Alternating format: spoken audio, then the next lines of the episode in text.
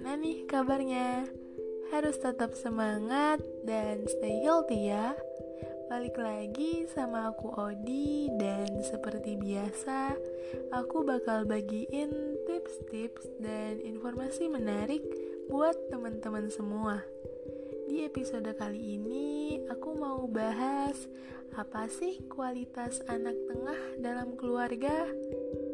Walaupun sering tersisih, ternyata kamu sosok paling istimewa. Sebagai anak tengah, apakah dulu kamu pernah merasa bahwa mungkin aja kamu bukan anak kandung karena orang tuamu lebih memperhatikan kakak dan adikmu?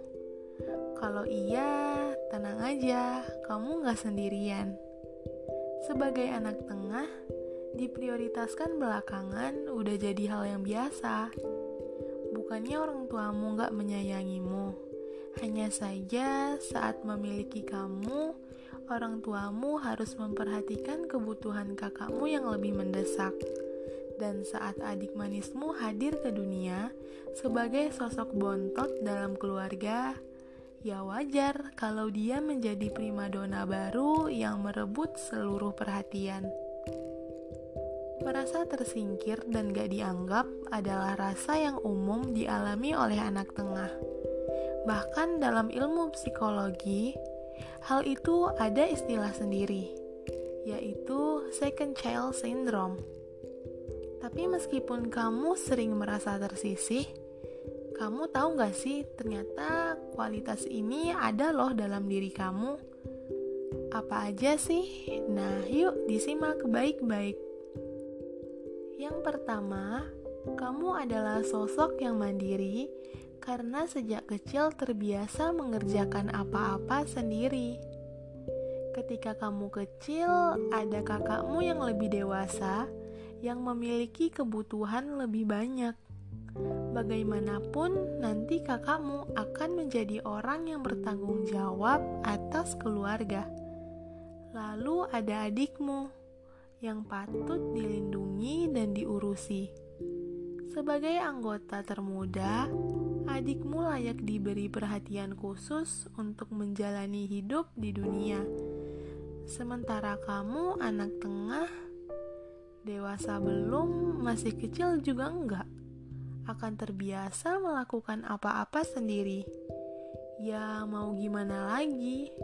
Waktu orang tuamu sudah habis untuk kakak dan adikmu.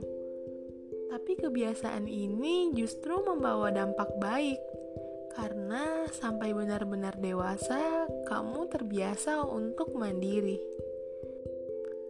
Yang kedua, egois mungkin jadi hal yang asing untukmu, karena seumur hidupmu kamu selalu mendahulukan kepentingan saudara-saudaramu perbedaan kebutuhan antara kamu dan kakakmu, serta perbedaan kebutuhan bimbingan antara kamu dan adikmu, membuatmu terbiasa mendahulukan kepentingan kakak dan adikmu. Kamu mengerti sepenuhnya alasan yang sudah dijelaskan di poin pertama. Kamu maklum kalau kamu harus menekan keinginanmu untuk kedua saudaramu.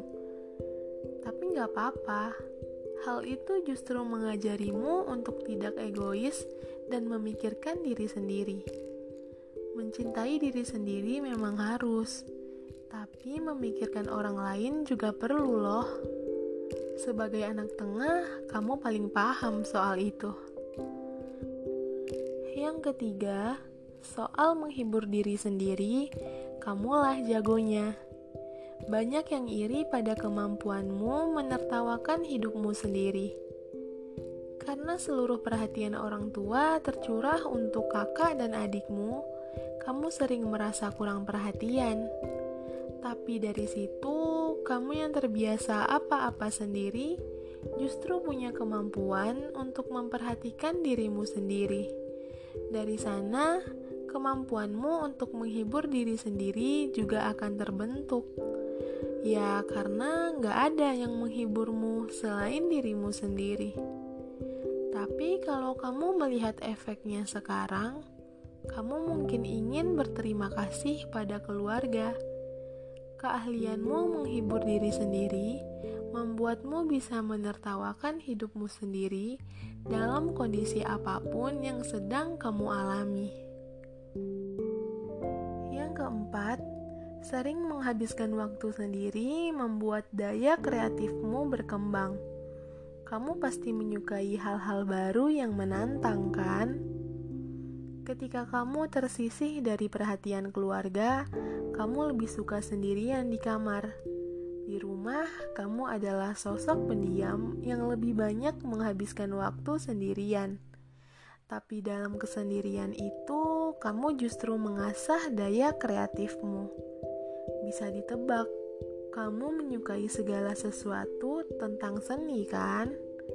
Selain itu, kamu selalu penasaran pada segala hal dan bersemangat untuk mencari tahu. Mencoba hal-hal baru yang menantang juga menjadi hobimu. Kamu si anak tengah yang pendiam, tapi riuh dalam dirimu sendiri. Yang kelima, terbiasa mengatasi perseteruan kakak dan adikmu, membuatmu menjadi seorang negosiator yang ulung. Keahlian ini langka loh. Kakakmu sebagai calon pemikul tanggung jawab keluarga, wajar bila mempunyai sifat yang mandiri, sering bosi dan selalu sok tahu. Sementara adikmu yang mendapatkan curahan kasih sayang dari semua orang, wajar bila menjadi sosok yang manja dan kolokan.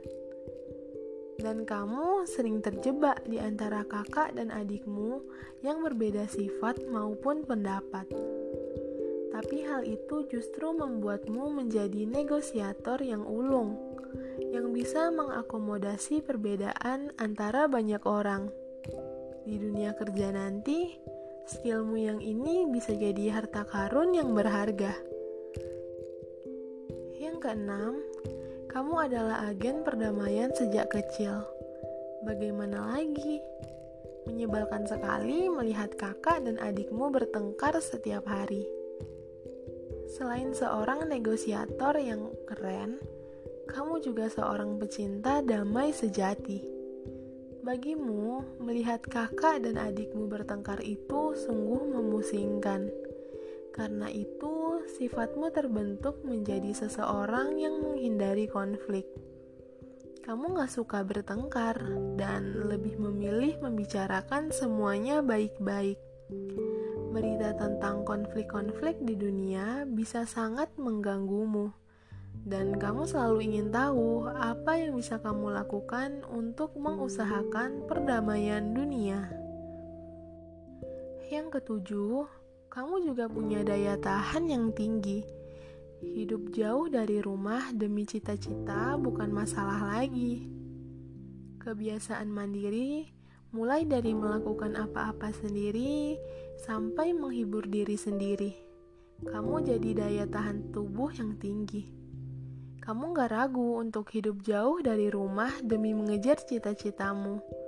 Selain kamu mudah bertahan meski sedang dalam kondisi sulit, dalam hatimu kamu juga punya keinginan untuk menunjukkan kesuksesanmu kepada orang tuamu kamu ingin keluar dari bayang-bayang kakakmu dan membuat orang tuamu bangga dengan caramu sendiri. Semangat ya kamu anak tengah. Yang terakhir, kemampuan adaptasimu sangat tinggi. Gak heran kalau di luar rumah, kamu justru punya banyak teman yang siap menemani. Perbedaan sifat kakak dan adikmu yang mencolok membuatmu harus punya trik khusus untuk menghadapi masing-masing. Kakakmu yang keras tentu gak suka dibantah. Sementara adikmu yang manja tentu gak bisa dikerasin. Kemampuan adaptasimu jadi luar biasa. Itulah yang membuatmu justru mudah berteman di luar rumah. Selain karena kamu lebih mudah mendapat perhatian di luar rumah daripada di rumah, sifat fleksibelmu juga membuatmu mudah disukai orang lain. Gak perlu berburuk sangka sama orang tua. Masing-masing orang tua punya cara menyayangi masing-masing kok. Kalaupun kamu selalu dijadikan yang kedua, tapi yakinlah bahwa orang tuamu menyayangimu sama besarnya. Hanya saja, mereka memandangmu sebagai sosok yang bisa berjalan sendiri. Lagi pula, posisimu yang sering serba salah itu justru bisa membentukmu menjadi pribadi yang berkualitas. Bener kan? Semoga informasi yang aku berikan ini bermanfaat ya, terutama buat kamu anak tengah. Semangat! Sampai jumpa di episode selanjutnya.